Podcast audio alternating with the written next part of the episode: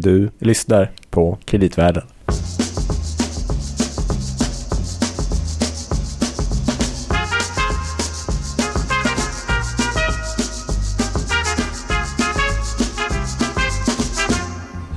Hello? Uh, hello, Di- hello, Dimitri. Listen, I, I can't hear too well. Do you suppose you could turn the music down just a little? Oh, that's much better. Yes. Fine, I can hear you now, Dimitri. Clear and plain and coming through fine. I'm coming through fine too, eh? Good. Then, well then, as you say, we're both coming through fine. Good. Well, it's good that you're fine then, and I'm fine. I agree with you. It's great to be fine. Och Louie, hör du mig? Gabriel, hallå, hej, vad fint. Jag hör dig jättebra. Hör Ja. du mig? Ja, jag hör dig. Oj, bra. fint vi har det. Ja, jättebra. och alla ni lyssnare, ni hör antagligen oss och vi hälsar er så varmt välkomna till årets sista faktiskt kreditvärlden, världens enda, fortfarande tror vi, podcast om kreditmarknaden med Louie då som ni hörde. Och eh, Gabriel. Det stämmer, båda jobbar på Danske Bank Markets. Eh, bara som en, eh, vi kanske får återkomma till exakt vad det här klippet var. Eh, men det anspelar lite grann på vad vi kan komma och prata om i det här avsnittet. Men nu har vi ju haft två stycken eh, lite grann utblickar. En med Roger och en med Stefan förra gången. Ja. Där vi pratade lite grann om makroutsikterna och sen så faktiskt valuta just för att det verkar lite spännande just nu. Mm. Men det som vi tycker är riktigt spännande det är ju faktiskt kreditmarknaden. Och nu går vi in i ett nytt år så vi tänkte försöka göra en liten ansats till att titta på kreditmarknaden 2015. Hur kommer den se ut? Spännande. Mm. Man kan knappt bärga sig. Nej, det tycker jag också ska bli spännande. Jag vet inte vad vi ska komma fram till faktiskt. Men Sen kan det visa sig i slutet på nästa år att det inte blev som vi trodde. nej, det har ju aldrig hänt förut i och för sig. Men att, att det Nej. blivit så. Eh, Oftast blir det som vi tror. Men ska vi börja som vanligt? Vi börjar från början så att säga. Vi kan börja hur det här året som har varit har varit. Just det, en lite kort summering. Mm. Eh, för det har väl varit lite olika, rätta mig om jag har fel Gabriel, men om vi tittar på bara avkastningen, om vi tittar på företagsobligationer i, eh, på några olika marknader. Mm. eh, så kan vi, ska vi kanske börja med den svenska marknaden. Mm. Här har det väl sett hyfsat ut överlag ändå får man väl säga. Nej men absolut, det har det, det, har det gjort eh, tycker jag. Eh, om man tittar på, om vi säger att vi summerar ihop alla de obligationer som vi har utestående på Mm. svenska marknaden som utsätts av företag. Mm. Och så tittar vi på, om man har en, om vi, en fiktiv portfölj med alla dem, Mm. då skulle man fått ungefär 3,5% i år. Okej, ja. Och det är väl ändå, eh, vi har en Ganska nollränta. hyfsat för någonting som ändå är relativt säkert får man ändå säga. För då är det ganska mycket av de här bolagen som är ganska stabila i den portföljen. Ja. Ja men snittbetyget på det där, Mm. det är ju så kallad investment grade som man Just det. brukar prata om. Ja. Men sen då om man bara tar de som är sån här så kallad high yield Mm. eh, med lite högre risk, Mm. eh, mer spekulativ så, så har man fått kanske 5%. Okej, ja. Och det är mer, ja. Men det är inte mer. så mycket mer. Men det är heller inte negativt. Nej. För att vad vi har sett i exempelvis Europa Mm. och även på norska marknaden. Mm. Där vi, eh, vi får komma tillbaka och prata om oljepriset. Men Mm. det har ju drabbat framförallt den norska marknaden jättemycket på grund av att det är mycket bolag inom den sektorn som ger ut obligationer där. Så Eh. om vi pl- plockar ut bara de Mm. allra mest riskfyllda obligationerna så har jag i och för sig kanske sett lite skakigt ut här också. Men om vi tar, det finns ganska många sådana på euromarknaden till exempel, som Mm. har kreditbetyget trippel C. Och har man haft Det är eh, längst ner i princip. Ja, och ett index av sådana eh, Mm. så har man eh, gått back 2% totalavkastning Mm. det här året. Mm. Och om man då är ännu lite mer selektiv så att säga, eller som du anspelade på, eh, de NOK-denominerade så att säga, de i norska Mm. kronor, obligationer som är utgivna av bolag i oljeservicesektorn. Precis. Mm. Eh, de har, där har man faktiskt haft en negativ avkastning på cirka 5%. Mm. Just det. Så vi bör väl få se lite större spridning egentligen kan man säga. Att det börjar bli en Mm. lite svårare miljö. Man kan ju inte tro att räntan ska sän- sänkas så väldigt mycket mer. Så då blir den här kreditkomponenten blir helt avgörande. Mm. Och då blir det ju att hamna rätt, välja rätt bolag, välja rätt sektorer.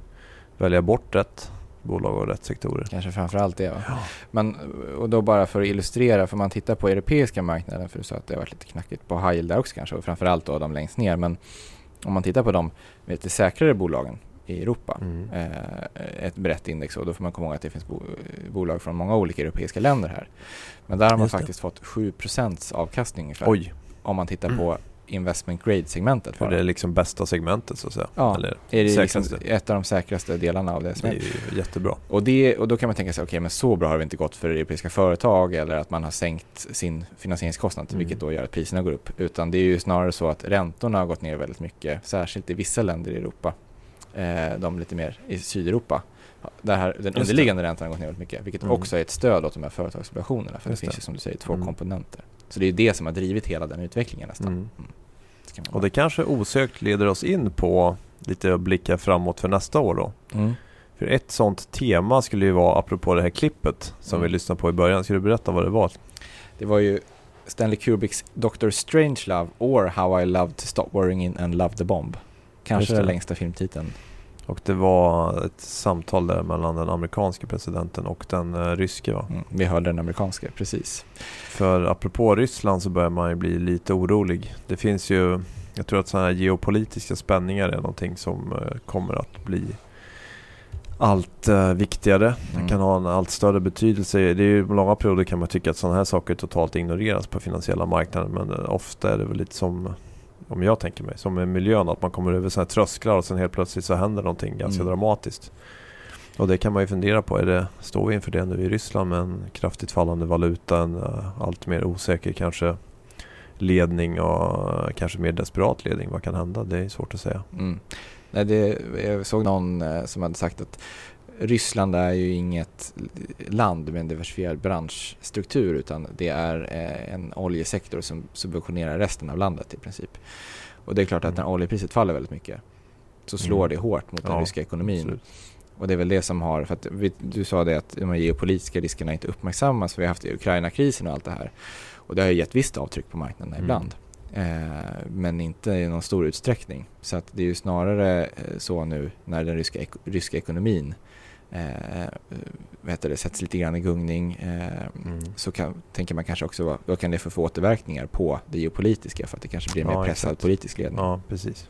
Jag trodde du skulle säga att Ryssland är en gåta. Det här med Churchills. Ja, det var det. inte den som du tänkte på. Nej, nej, det kan jag hålla Eh, nej men apropå det här med sanktionerna. För det är ju, om man tänker på det, länder som drabbas av det här oljepriset, Ryssland och även Venezuela. Så i Rysslands fall så ehm, är det ju dessutom så, dels har man en svagare valuta på grund av dollarn, äh, på grund av oljan. Sen är det ju dessutom så att på grund av de här sanktionerna så har ju många företag och banker i Ryssland svårt att finansiera sig utomlands. Mm. Och det gör ju att man har ett, vad ska man säga, ett sorts skuldberg som ligger där i utländsk valuta som blir egentligen ökar osäkerheten för varje dag om man kommer att kunna betala av det här och Ryssland har ju defaultat förut men man har ju trott att Putins regim skulle vara mycket mer stabil och det har man ju varit hittills men frågan är Mm. vad som händer. Mm. Nej men jag tänkte som titel på det här med utsikterna för Mm. nästa år om det är någonting med giganternas tvekamp. Eh, Men då behöver det i och för sig inte vara USA och Ryssland. Det kan ju även vara, om jag tänker på kreditmarknaden lite grann, USA mot Europa. Ja. Där vi är på helt olika spår vad gäller eh, räntehöjningar. Att man står inför dörren kanske då och börjar höja räntan rätt mycket i USA. Mm. Medan det pratas om att försöka trycka ner den så mycket som det går i Europa. Och det här blir ju en um, miljö då man kan man fundera på hur ska man positionera sig för det som kreditinvesterare. Det är ju inte helt lätt faktiskt. Nej. Så man får välja mellan risken i USA då att man så att säga, drabbas av en högre ränta om man Mm. har företagsobligationer Mm. eller att man drabbas av en svag tillväxt som vi har i Europa då egentligen. Exakt, och vad kommer slå hårdast mot så att säga Mm. avkastningen? Ja exakt. Mm. Och man skulle väl kunna, det, har väl lett till en del av den turbulens som vi har sett på den amerikanska high yield-marknaden Mm. till exempel. Det är väl just det att när den här meravkastningen som man får för att ta då kreditrisk i företag har varit väldigt låg i USA så blir räntekomponenten helt plötsligt en större del än vad den har varit. Eh, och när räntan då ska höjas ganska mycket så kan det slå specifikt ganska hårt. Så då när man börjar diskutera lite närmare det här med räntehöjningar i somras till exempel, då såg man en del utflöden ur high yield-fonder i USA. Mm. Vilket i sin tur då gjorde att priserna föll och så vidare. Så det är lätt till utflöden men samtidigt är det ganska intressant för när man tittar historiskt på sådana här perioder när räntor har höjts av centralbanker så brukar ju just high yield-marknaden klara sig ganska bra. Mm. Tack vare att då går de här eh, kreditspreadarna ofta ihop för att ofta är det så att man höjer räntan på grund av att ekonomin går bättre. Mm. Så det blir liksom en motverkan där. Mm. Eh, och då, När ekonomin går bättre så minskar skuldsättningen för att Ja, öka intjäningen och sådär. Precis. Mm. Så då kan ju till och med high yield gå bättre än, än investment grade faktiskt. Mm.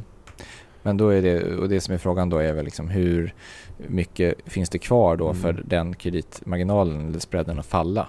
För att Mm. motverka då räntans eh, Mm. höjda, höjda räntan. Mm. Jo exakt, det är väl den stora frågan. Mm. Men vad gäller Europa då Mm. i alla fall. Där har vi en centralbank som vi tror kommer vara väldigt aktiv Mm. vad gäller stödköp. Vi pratade väl lite om det med Roger men det pratades ju även om, eh, har ju även diskuterats att ECB ska börja köpa uh, företagsobligationer också. Mm. Precis. Och egentligen oavsett om de köper just företagsobligationer eller nöjer sig med statsobligationer som nu Mm. verkar vara de flestas huvudscenario här i början av nästa år. Eh, så kommer ju det antagligen eh, leda till eh, lägre finansieringskostnader för företag Mm. och de här så att säga spreadarna och räntorna går ner vilket ger då positiv avkastning. För att även om de köper statsobligationer så kommer investerare som investerar i statsobligationer eh, behöva skifta ut från det. Eh, dels för att avkastningen går ner men också för att ECB köper en del av dem Mm. eh, ner till mer riskfyllda för att få samma avkastning och det är väl det som är tanken då. Att investerare ska söka sig till allt mer riskfyllda och det sätter såklart press då på eh, räntorna eh, för företagen och det kan gynna avkastningen för, för investerarna i Europa och, och det är väl någonstans vårt huvudscenario liksom om man tänker sig vad ska hända i Europa med, med så att säga på kreditmarknaden så är det Mm. väl att det, den kommer vara hyfsat stabil. För att man får ju väga det här då med de här som du pratade om, de här potentiella geopolitiska riskerna och allt det här att det kommer kanske vara lite mer oroligt. Just det. Men att troligen kommer ECB stå olika manövrar och nu har vi ju, pratar vi om en del manövrar som ska komma i början av året men vi har ju inte sett vad som ska komma mer för de, alltså verktygslådan är ju inte tom än. Och de kan hitta på ännu fler grejer för att om det är så att marknaden börjar misstro deras commitment. Så kanske någon, om man säger sweet spot här för kreditmarknaden i Europa kan tänkas vara alltså den låga delen av investment grade, typ triple B för det är ganska stabilt och sen vill man ta lite mer risk, eh, BB dubbel B-segmentet. Men vi pratar ju kanske inte om en sån här hejdundrande avkastning ändå. Alltså vi ska vi bara säga det ungefär för vad kan man tänka sig? 3, 4, 5, 6 procent? Oj, ja, Eller? nej det tror jag inte. Nej, Nej, då ska man vara glad. oj. Då har man också kanske tagit lite mer risk kanske. Mm. Och man kan nog kanske få så mycket som det, det högre vad du sa där men då får man vara beredd på en hel del volatilitet under resans gång. Mm. Eh, för det är väl det vi har sett under hösten och det tror vi kommer Mm. fortsätta. Men vi pratar ingen 10 procent i avkastning i alla fall. Det kan vi kanske Nej, slå fast på en det, gång. det tror jag eh, känns, Känns svårt. osannolikt faktiskt. Mm. Vilka ska vi gå tillbaka till Sverige kanske eller? Ja, och jag tänkte på det här med, eh, vi har inte pratat egentligen så mycket om konkursrisken och hur många bolag är det som går i konkurs egentligen? För att det är ju ändå det som ska driva i grunden. Ska vi ta det första? Mm. Eh, ja, i Europa så är det väl cirka runt drygt 2% just nu. Mm. Eh, Så det är historiskt ändå rätt lite ju. Absolut. Om man drar fram en så här lång från 1970 till idag Mm. och gör ett snitt så är det 4%. Mm. Ja, då är det fyra och nu är det, så det är hälften av Så det är hälften. långsiktiga. Men däremot så finns det väl tendenser, det kommer kunna gå upp lite grann. Eh, Mm. Kanske under nästa år just för att det är från en så låg nivå. Eh, det, brukar, alltså även, det finns även minicykler i de stora cyklerna så att säga. Även i en positiv så att säga konkursperiod så Just kan det det. öka lite grann ibland. Men ska man säga att det här är ju globalt också? Ja, det här, ja precis. För att det har ju kommit eh, här nyligen väldigt intressant eh, statistik eller data från eh, ett företag som heter Stamdata. Mm. Eh, och de har då för första gången publicerat lite mer, man kan väl kalla det för officiell konkursstatistik eller default-statistik för våra marknad här i Norden. Mm. Och det är väldigt intressant för det skiljer sig åt lite från den glo- globala. Det gör det. Eh, och, och man kan till exempel se att om vi går tillbaka några år i tiden att 2009 så var ju uh, globala high yield-marknaden var en konkursrisk på, på, eller ungefär 13 procent av bolaget gick omkull. Men om man ser på den nordiska marknaden så var bara- det... För att förtydliga, när vi säger Mm. konkurser så menar vi sådana som ställer in betalningar. Ja det exakt, behöver inte vara att man likvideras. nej, liksom. det är en väldigt viktig poäng Mm. faktiskt. Eh, men i alla fall, om det var 13 procent globalt så var det här i Norden 27. Mm. Och då var det ju väldigt, väldigt stor del av det som var i Norge. Och om vi nu tänker på att oljesektorn är stor i Norge och att oljepriserna har fallit så mycket igen till en liknande typ av nivå som vi såg då 2009 så är det ju, ska man gissa. Samtidigt som att, samtidigt som att eh, alltså kostnadsbasen så att säga de här bolagen är antagligen högre än den var 2009. Ja, så att, exakt. Men då kan man ju gissa på att vi kanske pratar för den norska marknaden om 20-25 procents eh, default för 2015. Så Ja. det är väldigt mycket och då är det klart att är man så att säga exponerad mot den typen av bolag så kan det, det kan ju slå hårt på vissa enskilda. Absolut. Ja. Och många av de här bolagen har ju så att säga, pris, de här obligationerna har handlat ner väldigt mycket i pris. Det vill säga man har Mm. gjort ganska stora förluster och det var ju det vi kom, läste upp där med Mm. avkastningen på den sektorn. Mm. Men däremot i Sverige så är det ju den sektorn inte stor ska vi ju säga. Och det ska man säga, bara för att eh, ge lite cred till den norska marknaden så, så om man tittar på hela norska eh, obligation, alltså företagsobligationsmarknaden så har den faktiskt haft en positiv avkastning. Så Mm. det, det, handlar, det är som du nämnde, sa där i början, det handlar väldigt mycket om vilken sektor man har varit exponerad mot. Mm. Och sen ska man också komma ihåg, precis som du var inne på, att det, kan det blir ju ofta en rekonstruktion, inte en fullskalig konkurs och då så får man ju tillbaka någonting och då kan man ju faktiskt få tillbaka hälften eller, eller mer. Det beror ju alldeles på. Mm. Eh, men det är ju inte som att allt försvinner bara för att det blir en rekonstruktion. Nej, precis. Så det är viktigt att tänka på. Men det kan ändå jag bli tror en, att i det avseendet att den norska marknaden har haft lite högre inte återvinning heter det inte, men att man får tillbaka lite mer med rekonstruktionerna. än Eh, globalt. utdelning än, äh, än globalt. Ja. Exakt. Mm. Därför att det finns en underliggande tillgångsmassa. Ja, det är någon typ av rigg eller skepp eller någonting som Ja, mm, exakt. borrar. Mm. Men eh, nu känns det som att vi börjar liksom komma in på det här med eh, lite olja då. Ja, Det är svårt nästan att undvika. Då tycker jag vi ska lyssna på en eh, Ja, en bön kan man väl nästan säga att det är. ja. Vi brukar inte ha så mycket sånt här men vi tänkte vi skulle ha det idag. Apropå, apropå ämnet. apropå vår oljeberoende ekonomi. Ja, här kommer den.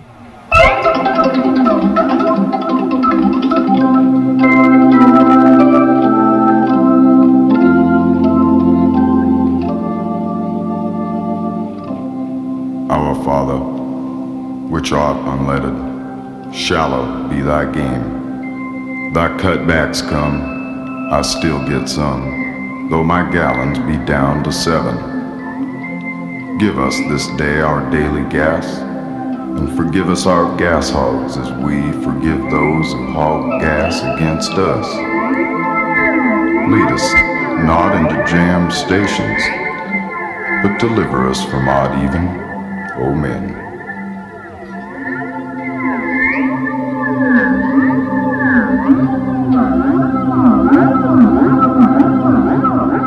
Ja, vilken kyrka tror du det där var från Gabriel? Jag skulle tro att någonstans i sydstater i USA, kan det stämma? Det ligger där? Det var nästan lite julstämning där. Ja. Men man tänker lite passande på USA just. Man tänker ju USA mycket eh, energi, ja, vad heter det, energiförbrukning och oljeförbrukning och så. Mm. Men eh, vi lever ju i en uh, fossilvärld. Mm. Tyvärr höll jag på att säga. Mm. Eh, och man kan ju fundera på det här lite ironiska i att när vi egentligen borde konsumera mindre olja så blir liksom incitamenten för att spara energi blir allt mindre med ett fallande oljepris. Mm. Men då kanske det är en väldigt gyllene tillfälle att höja koldioxidskatterna då. Det Mm. skulle säkert bli populärt. Jaha. Ja, det borde, borde inte bli impopulärt i alla fall eftersom det inte skulle slå så mycket. Man kan bara höja så att vi kommer upp till samma oljepris som för några, för några månader sedan. Men ja, vi får nästan... Egentligen borde man ha en, kanske en eget avsnitt om det här med oljepriset och oljan och så här. Men eh, Ja. Eh, väldigt kort, alltså att det har kunnat falla så väldigt mycket det är väl som vanligt ingen som har kunnat förutsäga. Men en kombination av egentligen ökad produktion då, bland annat den här shalegasen i USA Ja. och OPEC som har drivit på. Och samtidigt Eh, ett och ganska aggressivt OPEC kan vi bara säga Ja, som eh, säger nu att även om den går ner till 40 så kommer man inte eh, minska sin produktion. Och då kan man ju tänka sig att man försöker svälta ut så att säga de här kanske spelarna som har Precis. högre marginalkostnader och hoppa och slå ut en del av dem. Kan man ju möjligtvis spekulera om man tror. Apropå ökad geopolitisk eh, vad heter det? Ja. tension. Exakt. Heter det på Eh, men samtidigt också lägre efterfrågan såklart på den svagare konjunkturen. Så det har ju sin påverkan också. Ja. Men uh, okej, det finns eh, mycket att säga om det. Och hur kommer, jag törs inte ge någon prognos för oljepriset för nästa år i alla fall. Det kan jag säga på en gång. Nej, och det är ju alla, alla de här som gör prognoser på Mm. oljepriset får ju just nu sänka dem löpande allt eftersom Mm. oljepriset faller. Mm. Det är ju svår materia att, att, att försöka ja, ja, spå visst. i. Den mänskliga psykologin Ja, är svår att förstå sig på. så är det. Säger vi som ändå sitter på marknaden. Ja. Vi vill gärna tro att vi är rationella vi människor men jag vet inte om vi är det egentligen. Men eh, om man pratar om, man kan prata om lite bolag här i Norden om man, och sektorer där man kan tänka som gynnas och missgynnas av det här med Mm. fallande oljepriset. Så kan man i alla fall tänka. Ja. För att vi kan ju börja med att tänka på de som direkt gynnas. Då kan man konstatera ganska snabbt att ja, det är ju till exempel eh, flygbolag, SAS, Norwegian, Finnair. Ja, De har ju hög andel av sina kostnader, det är ju flygbränslen så det är klart. Sen eller har de, ligger de med hedgingkontrakt så det tar väl en del tid innan det slår in men icke Mm. desto mindre. Sen är Eh, frågan eh, om hur mycket av det som leder till sänkta biljettpriser och hur mycket Nej. som de kan öka sina marginaler med. Det är ju en hård konkurrens Mm. så det, det beror ju också på hur man positionerar sig där och den som har lägst kostnader kan ju vilja fortsätta försöka sätta press på sina konkurrenser, absolut. Ehm, sen har vi väl även bolag som, är, som håller på med raffinaderier och så. Det är ju Nynäs eller Nynas. Mm. Vi har även vissa verkstadsbolag tror jag. Ehm, typ eh, Metso. Mm. Som har det i olja som insatsvara till exempel. Eller de som Mm. håller på med plast borde väl gynnas också till exempel. Och sen kanske vissa av de här eh, transportmarina bolagen. Absolut. Så borde det vara. Som det är på samma det. sätt som flygbolagen egentligen. Mm. Mm. Men eh, de Desto som fler som förlorar då? drabbas. Ja, exakt. Då är vi ju inne på såklart mycket av de norska drillingbolagen. ja. Vi pratar Seadrill, eh, North Atlantic eh, Drilling. Men Det finns ju ett antal. Fred Olsen. Och sen har vi ju då bolag som är exponerade då mot de här sektorerna. Vi har kanske exempelvis eh, Sandvik, Mm. säljer väl en del till den här sektorn. Precis. Cargotech.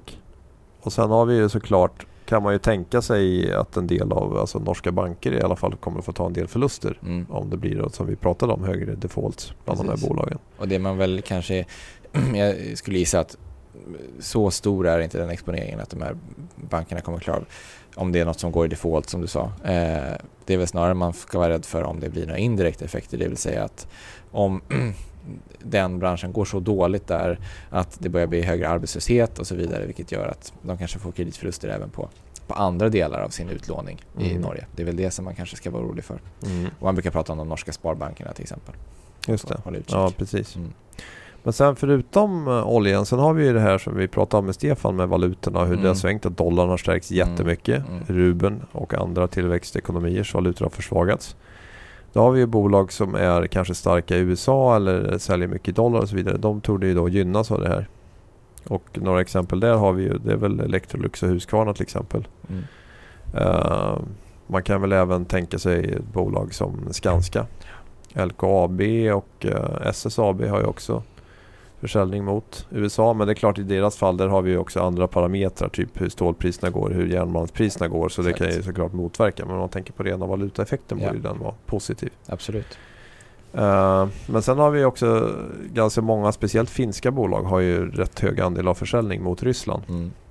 Och där finns det ju eh, ett bolag, YIT till exempel, inom eh, byggsektorn. Mm. Har ju ganska stor verksamhet i Ryssland och har ju då en stor rubelexponering. Eh, vi har även ett bolag som Carlsberg. Mm. Det Ja. vet man faktiskt inte men de har väl knappt 40% av Mm. rörelseresultatet kommer väl från försäljning i Från- Ryssland Från? Ryssland och Mm. Ukraina tror jag. Ja, Precis. just det. Eh, men då att man producerar ju lokalt. Mm. eh, ska man komma ihåg. Så Ja. man kan klara sig från en del av de här importrestriktionerna kanske. Ja, men men eh, man däremot- har ju valutarisk så att säga blir det ju på intjäningen. Resultatet i resultaträkningen drabbas ju negativt så Mm. att säga. Men sen har vi några andra finska bolag också, typ Stockman och Nokian Tires. De har ju också väldigt hög andel Mm. eh, försäljning till Ryssland. Jag tror att många av de här bolagen har ju också inte så mycket hedging för jag tror att det är ganska dyrt och ganska svårt att hedga Mm. sig mot den här marknaden. Så det kan ju slå Särskilt som rubeln har gått nu. mycket. Ja, exakt. Mm. Så det var några namn, för det kan Mm. vara kul ibland att nämna specifika namn och inte Som bara prata generellt. Uh, finns det andra kreditteman för nästa år, Gabriel? Ja, alltså vi har ju sett, eh, vi är också intresserade av vilka typer av eh, bolag emitterar och framförallt kanske vilken typ av obligationer emitterar de. För det allra vanligaste är ju att företag emitterar icke säkerställda obligationer som i princip är som ett lån men eh, utan någon pant som man har mot bankerna till exempel. Mm.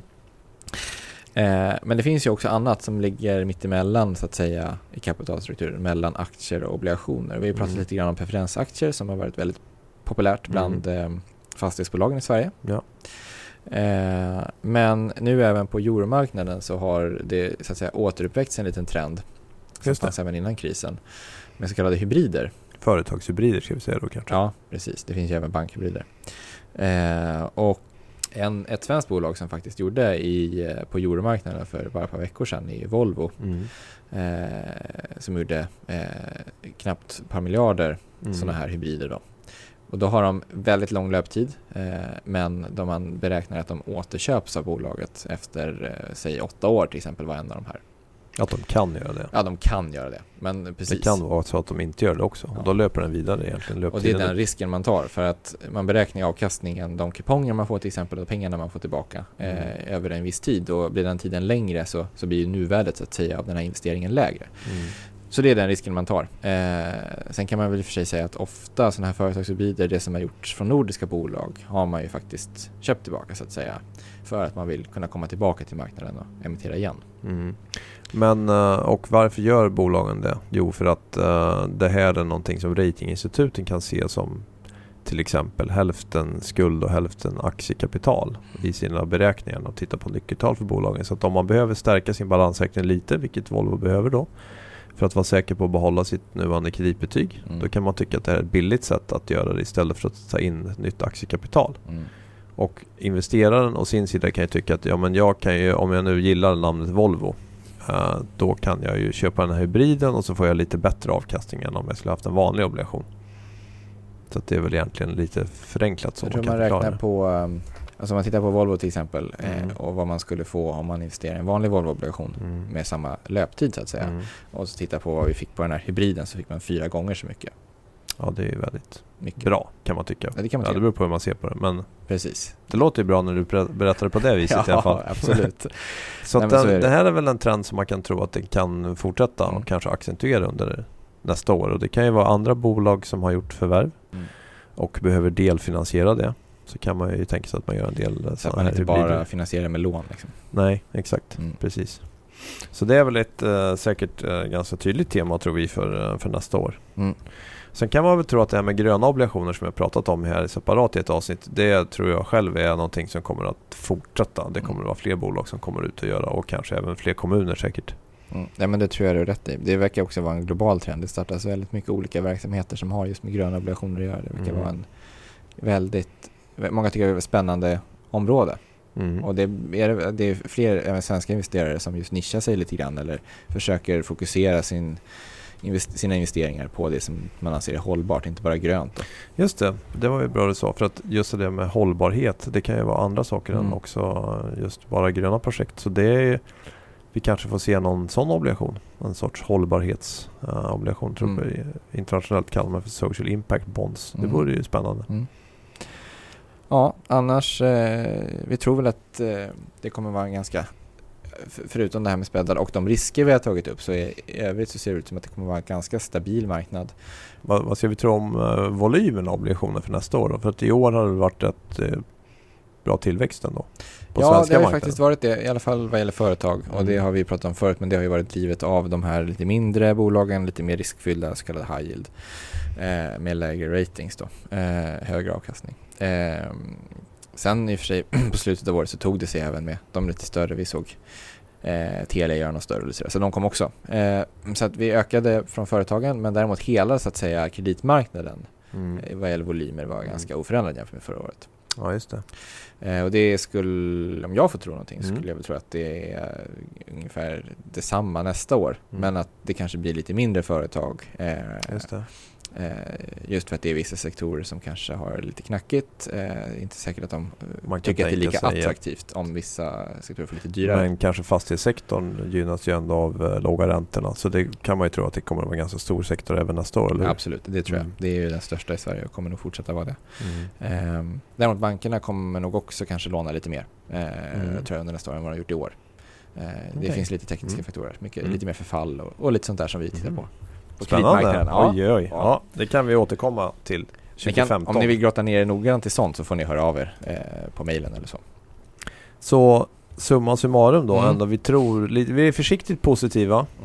Men eh, om vi ska nämna den största risken för nästa år Mm. för mark- kreditmarknaden så är det kanske inte just bolagsfundamenta utan det är snarare politiska risker och geopolitiska risker. Mm. Och det här är ju saker som vi säkert kommer att få eh, komma tillbaks till. Verkligen. Och eh, ska man hålla koll på något kan man säga alltså aktiekurserna men det blir kanske lite konstigt. Men jag tänker att det är ganska stretchade värderingar också på aktiemarknaden. Absolut. Eller hur? Det är det Så vi, att, eh, nu, bara för att vara schysst då mot eh, aktiemarknaden så kan man säga att det är ju egentligen ganska stretchat hos oss också. Mm. I bemärkelsen att vi räknar med ganska låga sådana här konkursfrekvenser som Just vi det. pratade om innan. Mm. Alltså, det är en värderingar som vi ser bygger på att de förblir låga. Mm. Eh, så skulle det inte materialisera sig så, så kommer vi nog se eh, en, eh, en ga- tråkigare avkastning på krediter. Mm. Men i huvudscenariot så att säga. Men en sån indikator är man kan börja titta på är om aktiemarknaden börjar eh, misstro så Mm. att säga företagens möjlighet att leverera högre resultat. Vilket är det värderingarna bygger på. Mm. Då ska man börja se upp. Mm. Men eh, jag sa att vi kanske skulle säga någonting om vad vi tror Mm. för avkastning. Och Mm. i, eftersom vi säger att vi tror att den här då kreditmarginalen, alltså risksentimentet kommer vara ganska oförändrat vad gäller företag Mm. för Sverige då, i Sverige. Eh, så vi lämnar den konstant och så tänker vi att räntan har kommit ner väldigt mycket, kanske kommer ner ytterligare lite i Sverige men kanske inte några stora rörelser. Eh, då, då landar vi på någonstans knappt 2 Mhm.